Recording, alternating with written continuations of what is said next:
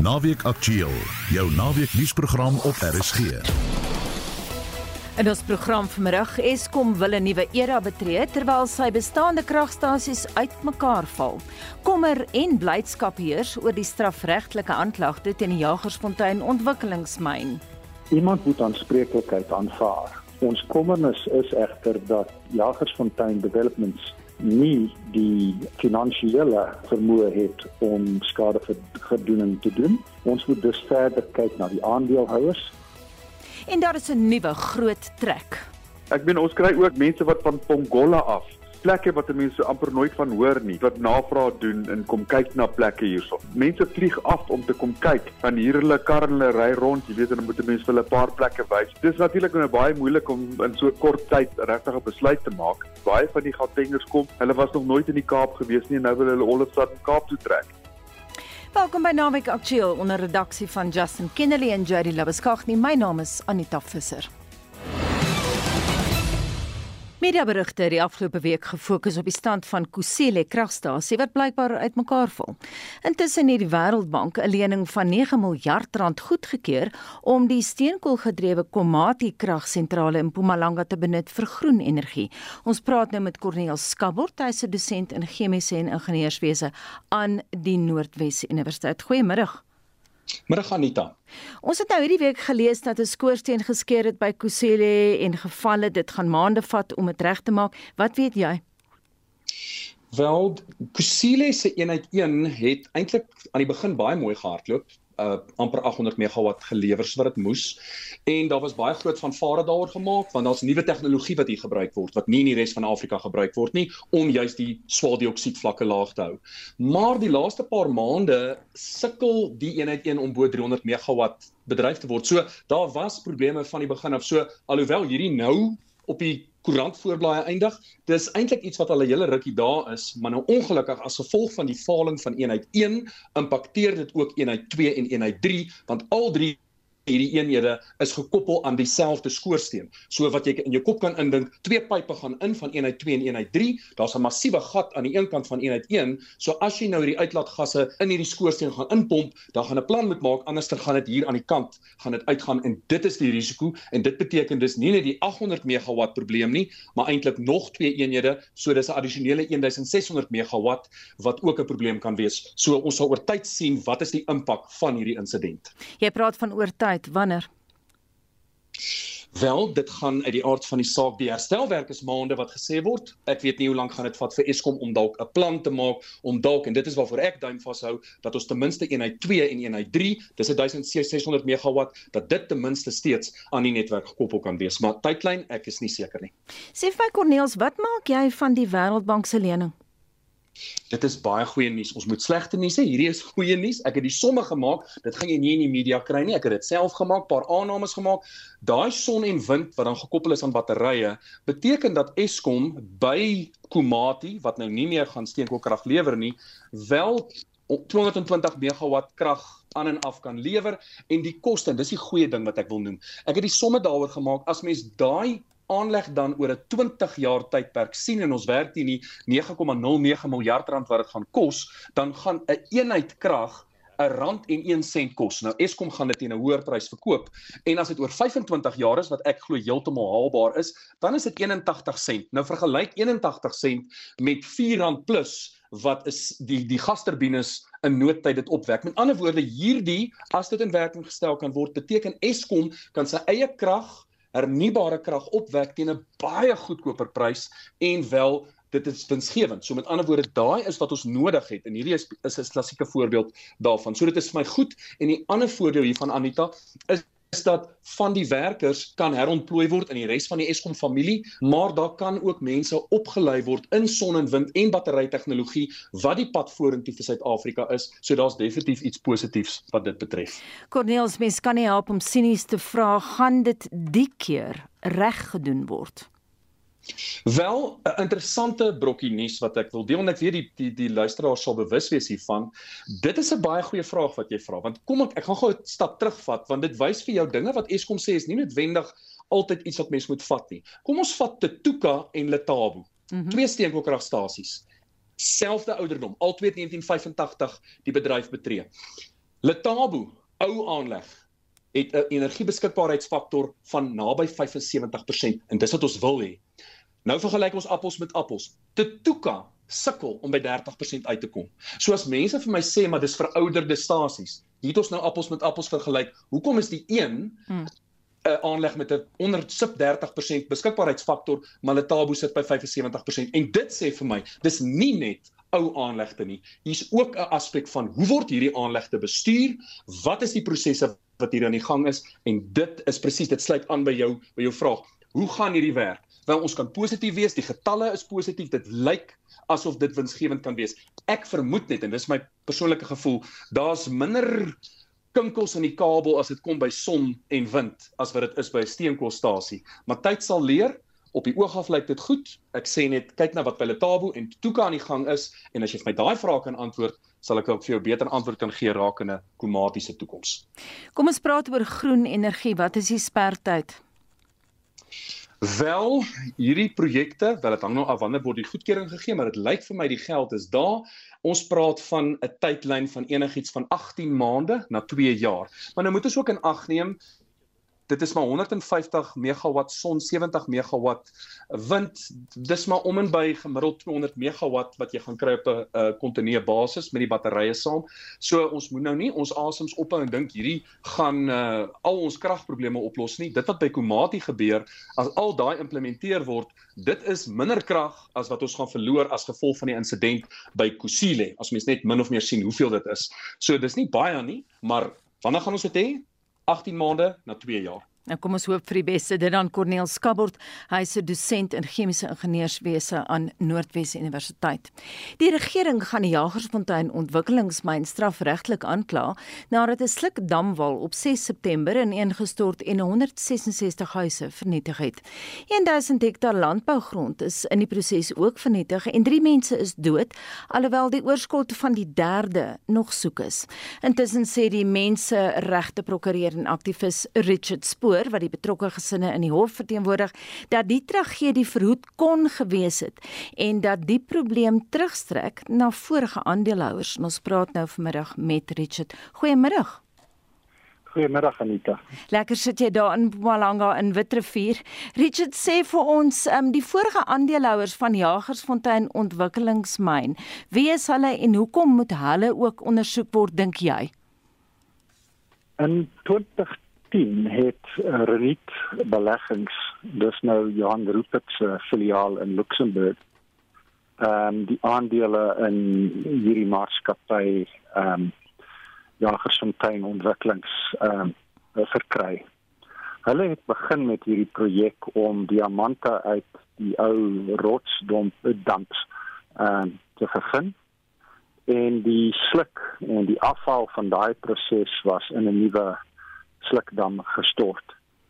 Die slukdam is ontwerp ehm um, heel van die begin af om vir 10 jaar te werk tot 2020 en om 'n groot totaal van so 770 000 kubieke meter sluk elke jaar te aanvaar.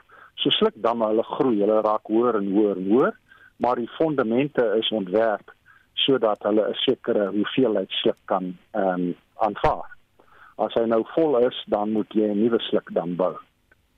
Ehm um, in 2017 al het Reniet Beleggings en Jagersfontein uh, Beleggings investeer investments besef dat ehm um, uh, uh, die tyd loop nou uit in 2020 met die sluk dan toegemaak word en hulle toe gesê en aansoek gedoen om die sluk in die groot put, die ou diamantput, dis nou die grootste handgegrawe put in die wêreld, is groter as die Kimberleyse gat. En uh, hulle wou dit daar instort. Hulle het toe gesê ons het twee keuses, of ons uh, gooi dit in die put of ons maak toe, want die alternatief om 'n nuwe slukdam te bou is te duur. Ons kan dit net nie bekostig nie.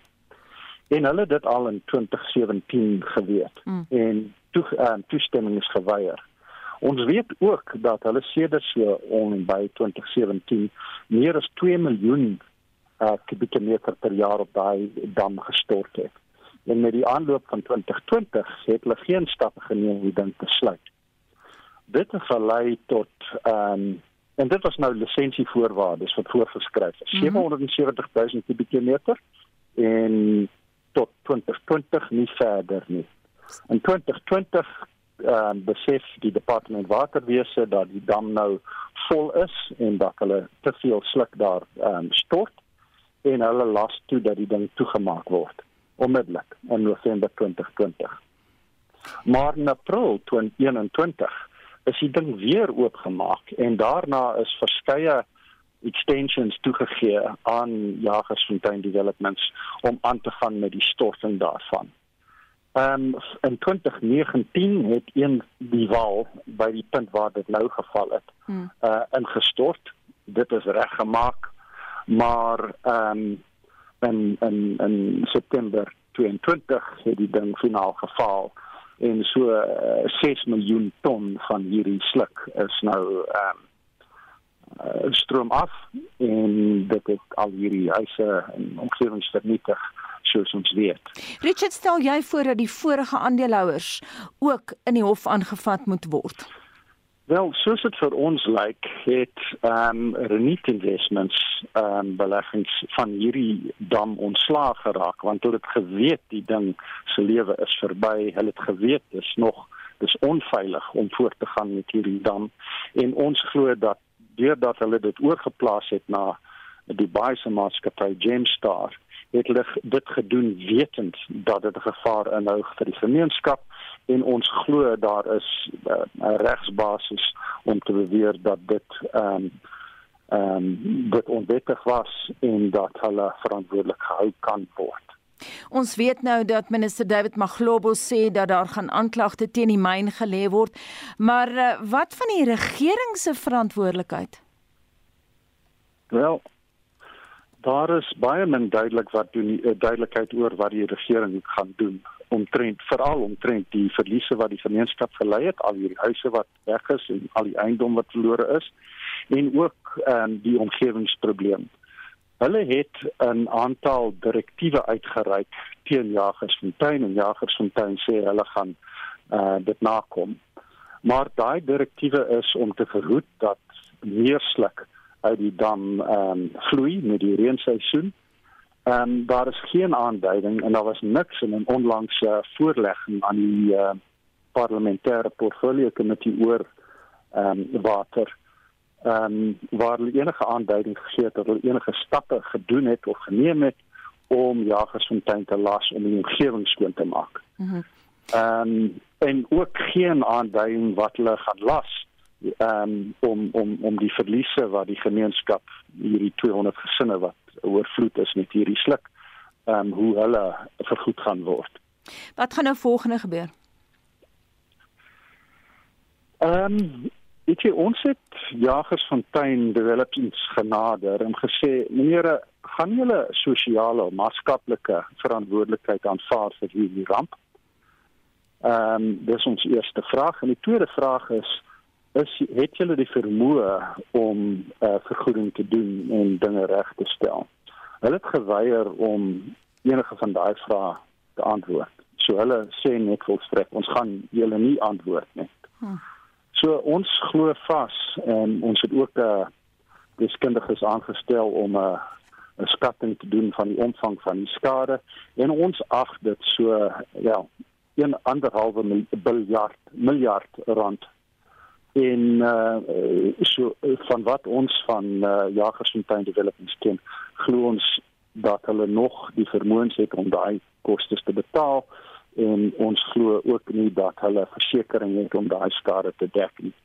So dit los ons met net een manier vorentoe en dit is ehm um, regsaksie teen hulle en teen enige ander party wat moontlik verantwoordelik gehou kan word en dit sluit in Renit Investments, dit sluit in Gemstar en dit sluit ook ook moontlik die munisipaliteit in want die munisipaliteit is die eienaar van die grond waar hierdie slukdam staan en ook ehm um, kan ons uit 'n regsoogpunt sê hulle het 'n verantwoordelikheid om te sorg dat die aktiwiteite op hulle grond veilig uitgevoer word en dat dit nie 'n gevaar inhou vir die gemeenskap nie. Richard, so dis die partye wat tans uh, in die spervuur is. Richard, ons het nou gehoor wat jy sê wat se vergoeding mense te wagte kan wees, maar die mynbestuur het by monde van Marius de Villiers nou gesê hulle dring daarop aan dat die myn se veiligheidsregulasies was in orde, maar die werkers sê dat die bestuur is vroeër ingelig oor 'n kraak in die damwal. Wat sê jou kliënte vir jou? Wel, daar is 'n hele paar aanduidings dat die dam nie veilig was. Ehm um, die watervlakke in die in die uh, slukdam ehm um, was ver buite die perke. Daar is aanduidings dat die slukdam van tyd tot tyd oorvloei het en daar is 'n gedeelte van 'n slukdam, jy noem dit die beach. Dis nou die droë stuk grond tussen die poelwater in die middel en die die muur dit was ehm um, daai beach het omtrent nie bestaan nie en dit is onveilig. Daar is ook aan die kant van die dam waar dit gefaal het, het hulle 'n ander dam gestel so teen die muur van die dam en onthou hierdie dam is gemaak van ehm um, sluk. Uh was daar water aan die binnekant en die buitekant. Die damwal was ook 34 meter hoog sy ontwerphoogte was 30 meter gewees en die hidroliese druk nou van die water in hierdie vlakke gaan sal aanleiding gee tot ehm um, ehm um, lekkasies in die dam damwal wat dit kan lei tot lekkasies in die damwal en uh, deur die erosieproses kan die dam dan val. Ons het ook die 2019 insident waar die dam wel geval het. Mm. Daar is 'n ander probleem met die ehm um, die hoek van die dam. Dit was te styl geweest. En uh, dit maak dit swak. Die ja, ja. tegniek wat gebruik is om die wal te gebruik daar is drie tegnieke hulle noem dit upstream um downstream en central. Daar's drie maniere om die wal te verhoog. Die goedkoopste is upstream en dit is 'n uh, dit is die roete wat hulle toe gevolg het. So dit is 'n uh, dam wat gebou is met minimale agting uh, geplaas op veiligheids ehm um, aspekte. Ons het deskundiges wat nou daarna kyk. Ehm uh, maar van die inligting wat ons sover ingewin het, is dit duidelik dat daai dam wel nie veilig was. By noem ook uh, kan ek net een verdere ding noem. Ja. Daar is satellietfoto's wat wys in die periode 1 tot 13 Augustus voor die tyd het die grond onder die dam waar waar dit geval het al begin ingee. Daar die satellietfoto's dui aan dat daar daar 'n uh, subsidence is en 'n beweging van die grond um, onder die geweldige druk wat hierdie dam nou op die grond plaas en ons glo vas dit het aanleiding gegee tot die breek. Baie dankie en dit dan die mening van die menseregte prokureur en aktivis Richard Spoor wat vanuit Witrifuur in Mpumalanga met ons gepraat het. AfriForum is bekommerd oor die huurooreenkoms tussen die Phoenix Hoërskool in vereniging en die Gautengse Onderwysdepartement. Die departement betaal glo 180 000 rand per maand aan die skool wat hy voorheen self besit het. Nou die skool se beheerliggaam het die saak onder AfriForum se aandag gebring en ons praat nou met Barry Buitman, woordvoerder van AfriForum se privaat vervolgingseenheid. Goeiemiddag. Ja, goeiemiddag. Barry baie kortliks, eh, wat is die kruks van die probleem? Wel, ons het land wat dit aan die staat, um, it was owned by the Gauteng provincial government um, until 2006. It was sold to a private entity only for the province's very own Gauteng Department of Education to rent that land back. It was sold for 600,000 rand. Lease agreement, uh, which was first signed in 2013. So there was a lapse of a couple of years before the lease was signed. But the lease started off at 110,000 Rand a month, escalating 9% per year, and it included a 1 million Rand down payment. Um, at the end of the lease, which uh, the current lease ends in 2026, the Gauteng Department of Education have paid over 50 million Rand uh, in rent for land that state owned that was sold for 600,000 rand. Mhm. Mm Julle oorweeg nou regstappe, wat gaan dit behels? Well, what we've started off with, we are representing the school's governing body. The primary focus at this stage is to find out why the situation exists. So we have demanded that a meeting take place between the SGB and the GDT. We have had a response that um, this is going to happen once the GDE uh, concludes its investigation. But we haven't ruled out the, pro- the possibility of filing a criminal complaint of corruption uh, related to this very peculiar sale of land. Baie dankie dan aan Barry Bateman woordvoerder van AfriForum se privaat vervolgingseenheid. Op Saterdag, 5 November 1994, is die destydse moderator van die NG Kerk, die 66-jarige professor Johan Heinz by sy huis in Waterkloof Rif in Pretoria doodgeskiet. Hy was besig om in sy sitkamer kaart te speel met sy vrou en kleinkinders Johan, Theo en Hannes. Alhoewel die moorderaar nooit gevind is nie, glo baie mense dat dit verband hou met Heinz se verligte sienings. In 1982 verwerp hy die idee dat apartheid God se wil is en later dieselfde jaar spreek hy hom uit ten gunste van huwelike oor die kleurgrens. In reaksie breek duisende NG Kerklede weg om die Afrikaanse Protestante Kerk te vorm. In 1992 verklaar Heinz dan ook dat apartheid 'n sonde is.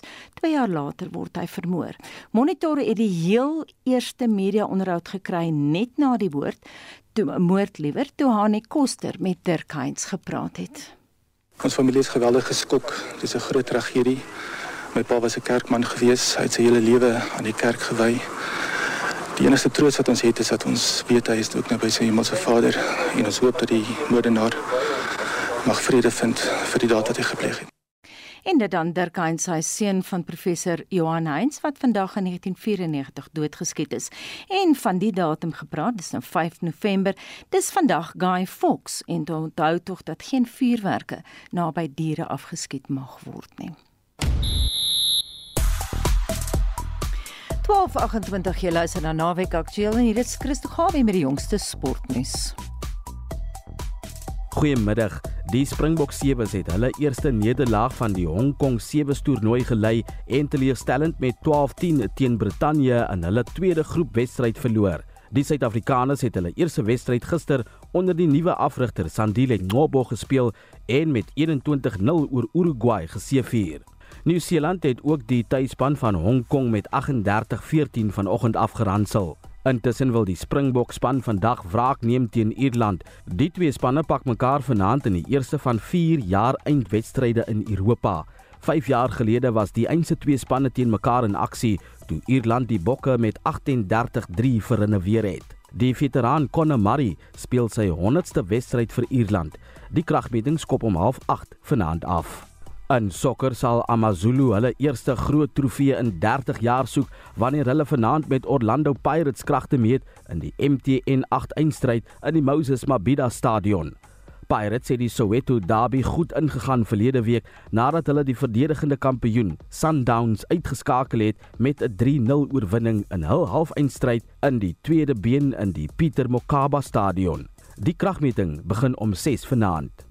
En in tennis het die wêreld se nommer 1, Carlos Alcaraz, gister met 'n buikbesering uit sy Parys Meesterskwart eindstryd getree, terwyl die verdedigende kampioen Novak Djokovic vinnig werk gemaak het van Italië se Lorenzo Musetti en hom in twee stelle geklop het met 6-0 en 6-3. En dit was Christo Gawie met RSG Sport. Die groot trek na die Wes-Kaap het nou sulke afmetings aangeneem dat die provinsie se LER vir plaaslike regering, omgewingsake en ontwikkeling waarsku dat indien die huidige toestroming voortduur, daaroor net 8 jaar 'n stad die grootte van Bloemfontein gebou sal moet word om die ekstra 900 000 mense te huisves. Ek het tydens 'n besoek aan die Kaap met 'n paar rolspelers daaroor gepraat.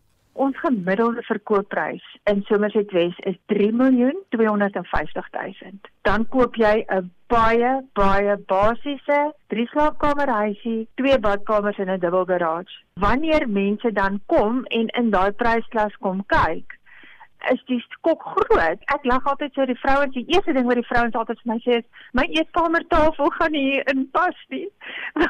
Mm. Want hulle huise in Gauteng 'n Huis in Gauteng vir 3 miljoen rand is groot. So sê Gerda Moelman van Rosen Properties in Somerset Wes, 'n sentiment wat haar kollega Gert Loubser van Remax Living deel. Die groot ding is jy sal maar jou verwagting moet aanpas van wat jy kan kry. So jy gaan nou maar vir X bedrag gaan jy nou maar jou groot huis in Noorde agterlaat en jy sal moet 'n realistiese verwagting hê van wat jy kan kry in die Kaap. I've heard anecdotally that Natal people are buying on the west coast and in smaller places on the outskirts of Cape Town because they're finding that the prices in Cape Town are very high. When they're selling their properties, if they can sell them up country in time to buy here, that um, they're having to downscale considerably because of the difference in pricing here. Aldus Hayden Sean McGregor van Remax en oor eiendom in die Kaap skets hy die harde werklikheid. A thumbs up if you've got a 4 million rand house in Fourways or Johannesburg or one of the nicer areas to spend and you bring that entire money down here you're going to get a nice two bedroom flat in Sea Point or a small cottage in City Bowl maybe a two bedroom cottage. Some of the people are going out towards the Parklands areas as well, Blowberg which is further out and are cheaper because they aren't in the city bowl or Atlantic seaboard. Maar trek, dit wil die Gautengers doen. Trouwens, Nik van Huisteen van die Rosen groep wat spesialiseer in Bolandse eiendomme, is verstom oor die toestroming van sy landgenote vanuit alle uithoeke in Suid-Afrika. Ek meen ons kry ook mense wat van Pongola af plekke wat mense amper nooit van hoor nie wat navraag doen en kom kyk na plekke hierso. Mense vlieg af om te kom kyk. Dan hier hulle kar en hulle ry rond, jy weet en dan moet mense vir hulle 'n paar plekke wys. Dis natuurlik nou baie moeilik om in so kort tyd regtig 'n besluit te maak. Baie van die Gautengers kom, hulle was nog nooit in die Kaap gewees nie en nou wil hulle Olofstad en Kaap toe trek. En die redes hiervoor is voor die hand liggend. Ten minste kan 'n mens hierso met jou motor ry. Jy weet daar by ons kan jy nie ry nie want die plekke is so vol potholes. Ons kan nie met ons kar ry nie. Ons strate het nie potholes nie, alhoewel daar so hier en daar nou sien ek ook begin. Mense voel veilig hierso. Hier is water en die rioolstelsels werk en daai klas van goeders. Natuurlik ook skoon, jy weet die plekke is skoon. Dis nie so vuil soos wat ek hoor sit op ander plekke is nie. Die kwaliteit is beter hierso as daar. Maar die Kaapse gras is nie noodwendig groener nie en boonop skuil daar ook 'n paar slange. Die Kaap is nie perfek nie, maar ja natuurlik met COVID is daar 'n uh, probleem met hawelose mense wat op die strate bly en so aan. Ek het nou die dag met 'n raadslid van die DA gepraat daaroor. Hulle uh, is besig met halfway houses wat hulle besig is om op te rig. Dit gaan alles gepaard met counselling, 'n uh, soort van holistiese benadering om hulle te help eerder as om hulle net te skuif want dan pop hulle maar net weer op by die volgende hoek. Die mense se stories is regtig baie sad. In daai tentdorp daar in Groenpunt, die een meisie was 'n chef van die waterfront. So dis regtig sad stories en mense probeer hierdie mense help met menswaardigheid. 'n Mening wat die joernalis Andrew Kenny wat in Sunnydale naby Vishoek woon, deel. People say how beautiful Cape Town is. What they mean is the Cape Peninsula is beautiful and Stellenbosch is beautiful.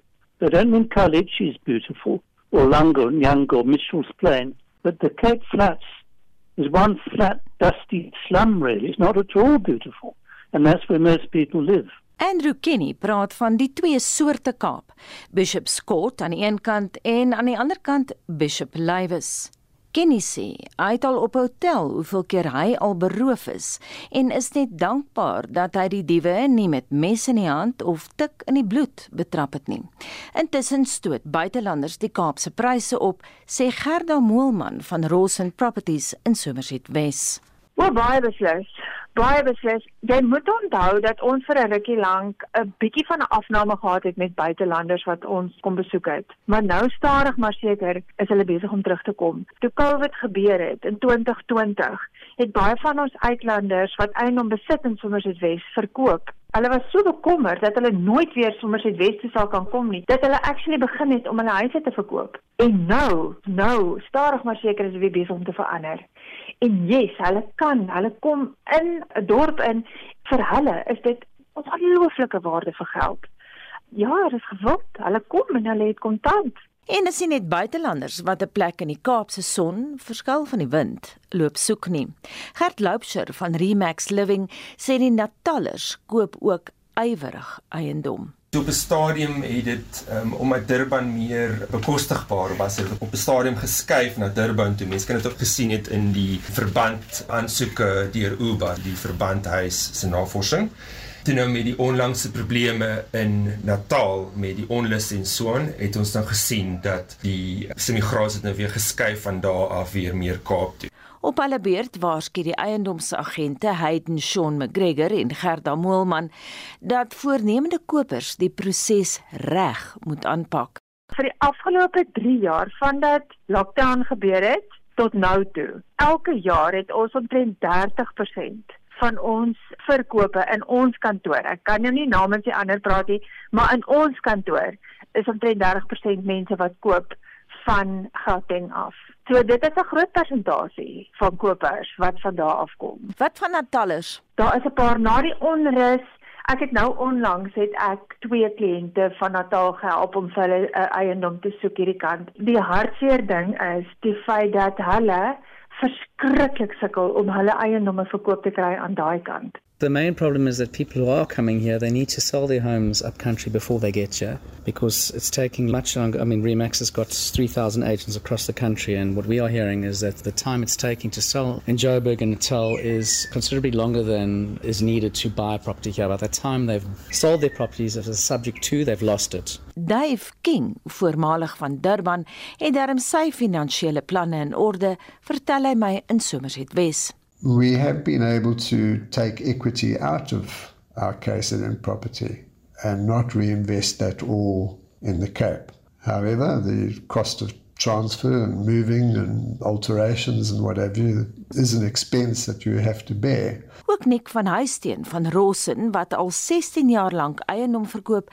se raad aan kopers is deurdag en prakties. In die Parel waar ons kantoor is, Dalwag het ons ook 'n kantoor. Het ons ook 'n hele paar huise verkoop aan mense wat van Gauteng af ingekom het. Ek moet ook sê die mense kom met hoë verwagtinge en hier is ook maar uitdagings hierso veral op die platteland. Ek sê altyd vir die mense kom bly eers hier so 'n gastehuis vir 'n week of twee en kom kyk mooi, moenie sommer net trek nie. Mense dink hulle kom op vakansie, hulle kom lekker wyn drink, hulle sit eet by die beste restaurante in die wêreld, is hierso en hulle eet lekker en alsoos dan kom hulle koop 'n huis en dan is dit nie meer dieselfde nie. Jy moet eers kom kyk. Mense moet sommer oor die internet 'n huis koop nie, want dit gebeur taamlik baie nou daar. Die joernalis Andrew Kenny glo egter die gety is dalk besig om te begin draai, veral in die minder gegoede buurte. My friends in Joburg, many in the northern suburbs, living in mansions really compared to what I'm living in.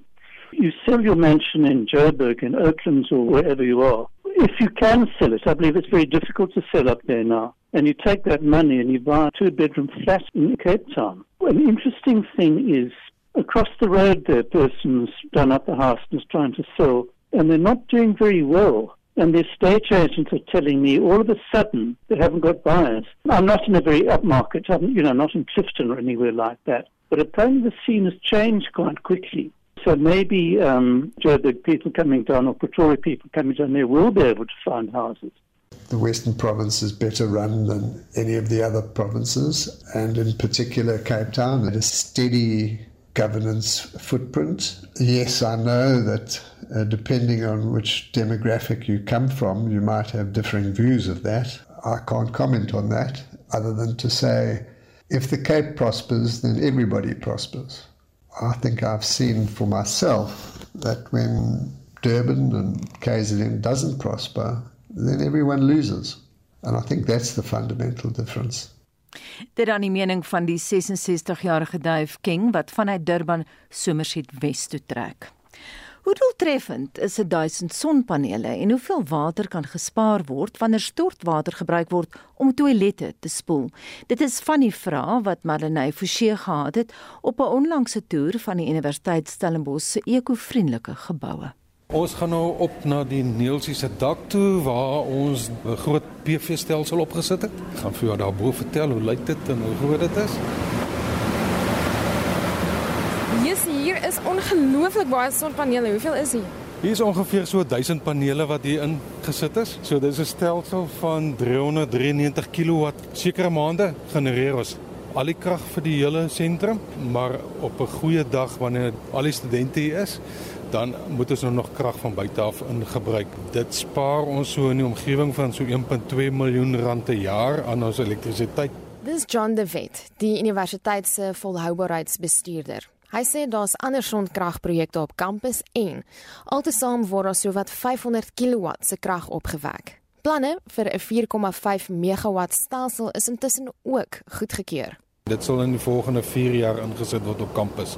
So ons doelwit is om op die einde van die dag 20% van ons kragverbruik van hernubare bronne af te genereer. Wil julle uiteindelik onafhanklik van Eskom funksioneer? Kan julle? Met baie moeite behoort jy te kan, maar wat gaan gebeur in die toekoms? Baie meer mense op die stadium begin krag opwek van sonkrag af en van windkrag aan.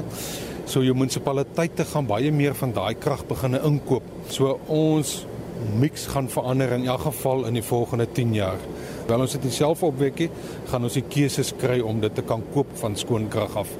So ek dink op die einde van die dag behoort ons baie maklik binne 10 jaar 80% van ons krag te kan kry van skoner hernubare bronne af. Ja. Is dit goedkoper? Op die stadium is dit goedkoper net as gevolg van hoe Eskom bedryf word en wat alles daar aan die gang is, is hernubare bronne net baie goedkoper as van groot ou kragstasies en fossiele brandstowwe af, ja. Dit haal nie regtig hier nie en die panele is boonop bestand teen redelike groot korrels, maar daar is ander uitdagings op die Neelsie se dak. Die groter effek vir ons is op die stadium die voels wat kom mis op die panele, uh, soos jy kan sien hier langs jou. So daarom moet ons die panele so elke 4 maande moet jy hulle kom skoonmaak net om die stof en die voelmis af te kry. Ek het nie eers daaraan gedink nie. Stel jou nou voor. ons is gelukkig Maar as jy gaan na Waterfront toe in Kaapstad, daar wat hulle die seevoëls het, daar is dit 'n wesentlike probleem vir hulle. Jy kry groot blertse op daai area en dit is so goed soos jy sit daai panele in die skaduwee en dan genereer daai sel net nie. Hulle kan ook nie sommer net op enige plek sonpanele oprig nie. Jy kan nou sien al die rooi dakke hier rondom ons. So ons het 'n erfeniskomitee, so ons kan nie die panele sommer op enige dak gaan sit nie. Jy moet toestemming kry. En die rule of thumb op die stadium is dat hulle wil nie die panele sien van die strate se kante af nie. So ons moet hulle wegsteek agter die agter die dakke dat jy nog steeds die ou geboue se aansien het op kampus. Volgens op die lys is die universiteit se grijswaterstelsel. Nou die oorsprong van die stelsel lê by die 2016-2018 droogte in die Kaap, toe die universiteit beperk is tot 50 liter water per student per dag. Al die koshuise se stortwater word hierheen gestuur om gesuiwer te word en dan as toiletwater gebruik te word. Op die stadium spaar ons so rondom 50% van wat ons oorspronklik gebruik het. Natuurlik het ons water hoeveelheid afgekom, maar ook die prys wat ons nou betaal het ook afgekom. In die filtrasieaanleg ontmoet ek die manne aan stuur van sake. Uh so Wikus en Johan, ek wil amper sê hulle bestuur die plant vir ons hulle dryf ook die hoeveelheid water wat hier deur gaan. So Wikus het die plant van hoeveel af opgetel tot baie nou is kom ons sê so 400 000 liter 'n maand. Het ons nou al 1.9 miljoen gedoen 2 maande terug. Laas maand het ons bietjie gesukkel met die studente hier nie. Uh te doen ons 800. Hierdie maand met die load shedding, wat die pompe loop ons nou nie met load shedding nie. Kyk ons na so 1.1 1.2 miljoen liter wat ons van hier af opstoot wat die toilette mee gespoel word vir die maand. Nou alles wat binne die raserige vertrekkie gebeur word elektronies gemonitor en omskep in rekenaargrafieke en diagramme wat gebruikspatrone en selfs probleme regstreeks aandui. Wikus van Graan verduidelik. Ons het hierdie skerm wat jy hier sien op ons PC's gekry in die kantoor. So as ons in die oggend inkom of deur die aand As ek by die huis sit, dan sit ek daai skerm aan, dan kan ek elke sekond sien wat in die plant gebeur. Hier kan jy baie mooi sien hoe die plant werk, waar die water inkom. Daar's die vuil water. Van die vuil water af word dit deur hierdie filters gepomp en dan gaan dit na die skoonwater tanks toe en dan van daar af stuur ons dit Els hoogte toe. Ek hou daarvan om na hierdie enetjie te kyk. So hier sal jy sien ons pomp water op Els hoogte toe, dan gebruik die studente dit. Dan pomp ons, dan gebruik hulle. Jy kan sien hierdie is die gebruik in die oggendure tussen kom ons sê 2 uur en 5 uur. Dit vat baie lank om vir hulle om daai tank af te bring na 50% toe. In die oggend 6 uur, 7 uur, 8 uur, dan dit bedrywig in die koshuise en dan dan pomp ons en ons hou daarvan want ons pomp elke keer wat hy opgaan tussen 2.5 en 3000 liter op helshoogte toe. Nuwe geboue hier word boonop gebou om te voldoen aan die standaarde van die Raad vir Groen Geboue in Suid-Afrika en een van hulle is die Jan Mouton Leersentrum. Ons het nou verander na wat hulle noem impact rankings toe. Nou jou impact ranking veroorsaak dat jy moet baie meer omgewingsfaktore waarop jy geëvalueer word. Dis een gedeelte. Die ander gedeelte is hulle bring al die 17 SDGs in die ranking in.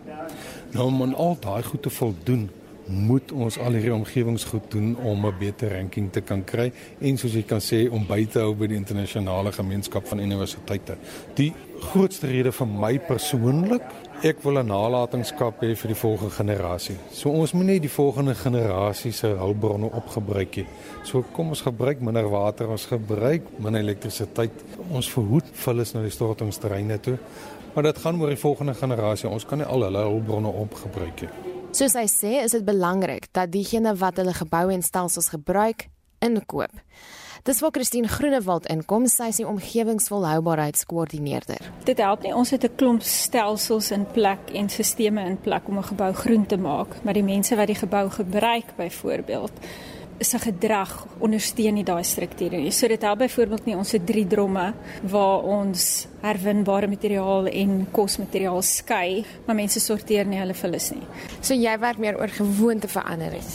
Ja, As jy sien hoe die vullis gesorteer word, byvoorbeeld is een van ons toere, dan besef jy jou keuse waar jy goed weggooi het ook 'n impak op die mense wat daai vullis sorteer. Wat ons vind is die mense wat op daai toere gaan, hulle raak ons grootste advokate.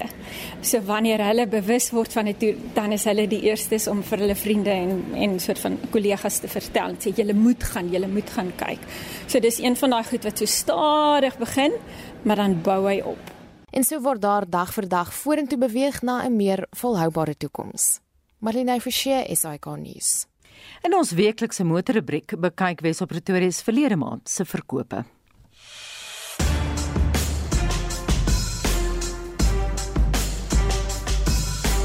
Die motorvervaardigersorganisasie NAMSA berig dat Oktober 'n relatiewe goeie verkoopsmaand was, gegee die logistiese ontwrigtings wat deur die Transnet-staking by veral hawens veroorsaak is, die impak wat beerdkrag het en stygende rentekoerse. Die feit dat Cherry ook sedert die tweede helfte van die jaar hulle verkope aan NAMSA rapporteer en sterk aankope deur die motorverhuuringsbedryf 13% van totale verkope het bygedra dat net minder as 46000 nuwe voertuie verlede maand van die hand gesit is. 11,4% beter as Oktober verlede jaar. En so sake nou staan, gaan meer as 'n half miljoen voertuie vanjaar verkoop word. Net meer as 25400 eenhede is verlede maand uitgevoer, 'n netjiese 16,1% meer as Oktober verlede jaar. 'n volle 27% van alle nuwe voertuie was Toyotas met 12600 eenhede. En ek rond af tot die naaste 100 sodat dit makliker op die oorval. Heelwat laer Volkswagen in die tweede plek 4900 eenhede. Derde Suzuki 4100, Nissan 3000, Hyundai 2700, Haval 2600, Ford kon slegs 'n sewende plek loslaan 2500, Isuzu 2200, Renault 2000, Kia 1800 en in die 11de plek Chery 1200 gevolg deur Mahindra 1000 eenhede. Toyota het dan ook skoonskip gemaak met individuele modelreekse. Die Hilux, Corolla Cross en Urban Cruiser het die eerste 3 plekke bekleë. Vierde was die Ford Ranger gevolg deur die Isuzu D-Max, Suzuki Swift, Volkswagen Polo Vivo, Toyota Hiace, Nissan NP200 en in die 10de plek die Haval H6. 1252. Dis nie aldag dat 'n mens R700 vir 'n drankie betaal nie. Dit het egter onlangs gebeur toe ek in die Ritz Hotel in Parys se Hemingway kroeg saam met vriende 'n laatnag dop gaan drink het. Tot my verbasing was die kelnerin Afrikaans. Samantha Graham woon en werk al die afgelope 3 en 'n half jaar in die Franse hoofstad waar sy die hoofkelnerin in die gesogte kroeg is. Samantha hoop aarde het 'n Afrikaanse vrou soos jy beland in die rits, nie net in die rits nie, maar in die eksklusiewe Hemingway bar. Ek is nou al 3 en 'n half jaar in Parys en ek het hiernatoe gekom vir die werk hier so by die Hemingway bar en julle sal my nie eers glo nie. Ek was dan in Parys op vakansie toe hulle vir my hierdie posisie aanbied. Ek was vir 8 jaar in Amerika en toe wou ek van California af New York toe trek en toe ek hier aankom, toe ek in New York aankom, was ek oor die Kersfeestyd daar. Toe dink ek, hoorie, kom ek vat maar die Kersfeestyd om met my familie te wees. Ek het Londen toe gegaan, my sussie was op daai stadium daar en toe kom ek Hemingway toe vir 'n cocktail en toe ek uitstap toe sê hulle kom vir 'n interview. Ek is baie gelukkig dat ek vir 4 jaar hier gebly het in Frankryk in Parys toe ek op hoërskool was. So toe ek hier aankom, het ek reeds Frans gepraat, mm -hmm. redelik vlot, dit ten minste makliker gemaak. Was van die begin af baie gemaklik. Jou ma was in die ambassade, dis hoekom jy hier was. Ja. Jy was ook onseker of ons uit ons het 'n uur gewag om in te kom en jy het op die stadium geweet ja, hulle is definitief Suid-Afrikaners. Ja, ek het op 'n stadium toe hulle by die tafel was, die aksent gehoor en dit het my 'n minuut gevat om om seker te wees want ons hoor dit bitter min hier in die Hemingway in Parys. Dis jou 5de keer wat jy Suid-Afrikaners hier het. Hoekom kom hulle die Amerikaners kom nie? Nou, jy mis ja. verstaan hoekom oor Hemingway, maar nie Suid-Afrikaners ja. nie. Nee, ongelukkig met die pryse veral in Frankryk en in Parys natuurlik, maar veral hierso in die Ritz. Mense ken die hotel, maar ek dink dis amper asof daar 'n mental block is. Uh -huh. Mense dink dit gaan net te duur wees. En as jy 400 of 500 rand vir 'n koppie tee betaal uh -huh. en 34 euro vir 'n cocktail, uh -huh. 700 rand vir 'n cocktail, dit kan nie die moeite werd wees nie. Uh -huh. Maar dit is vir julle om vir my te sê of dit die moeite werd is. Terug na jou eie geskiedenis.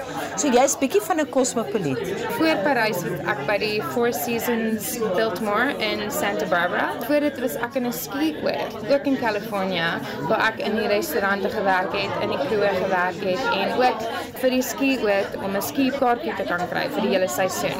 So ek het bietjie net heen en weer gereis, ek wou altyd alles ontdek en toe ja, toe kom ek vir 'n cocktail op my vakansie Parys toe en Ritz toe en nou is ek al 3 en 'n half jaar hier. Maar hoe op aarde het jy hulle so beïndruk dat hulle want jy was 'n gas, nê? Nee? Ja, wie het jy so beïndruk? Hoe presies het dit gebeur? Die persoon wat ek beïndruk het, was per toeval die regte persoon. Colin Field is nou al 28 jaar die hoofbarman hier by die Hemingway in Parys. Is hy vanaand hier? En nee, ongelukkig is hy nie vanaand hier nie. Hy vertrek môre in New York toe vir 5 dae vir 'n uh, event. Ja, ja. So hy is nie hy is nie hier nie. En jy het hom beïndruk. Nee. Ja, ek moes want ek is nou nog net 3 en 'n half jaar hier en ek is die nommer 3.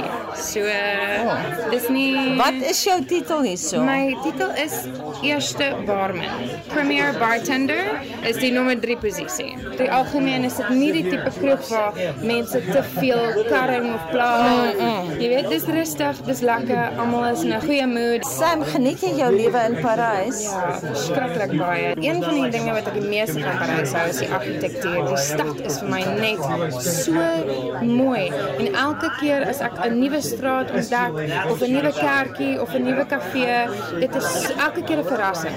En ons het altyd soveel om te doen.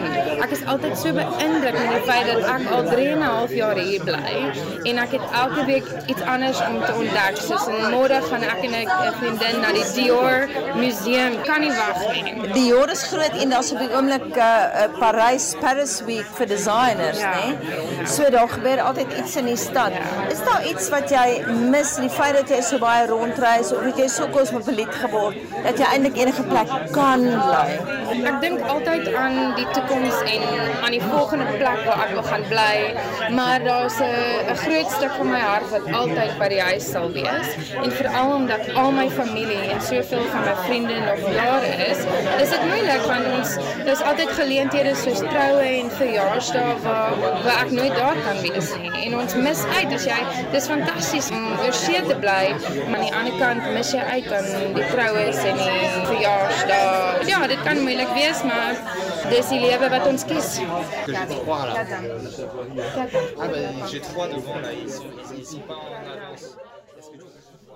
Dit dan Samantha Graham van die Ritz Hotel in Parys met wie ek rukkie gelede die onderhoud gevoer het. Ons bly in die Franse hoofstad. Ons eindig met hierdie musiek. Hier is Francesca Blanchard met Sous le ciel de Paris. En op daai Franse noot met ons groet namens ons uitvoerende regisseur Nicoline de Wee.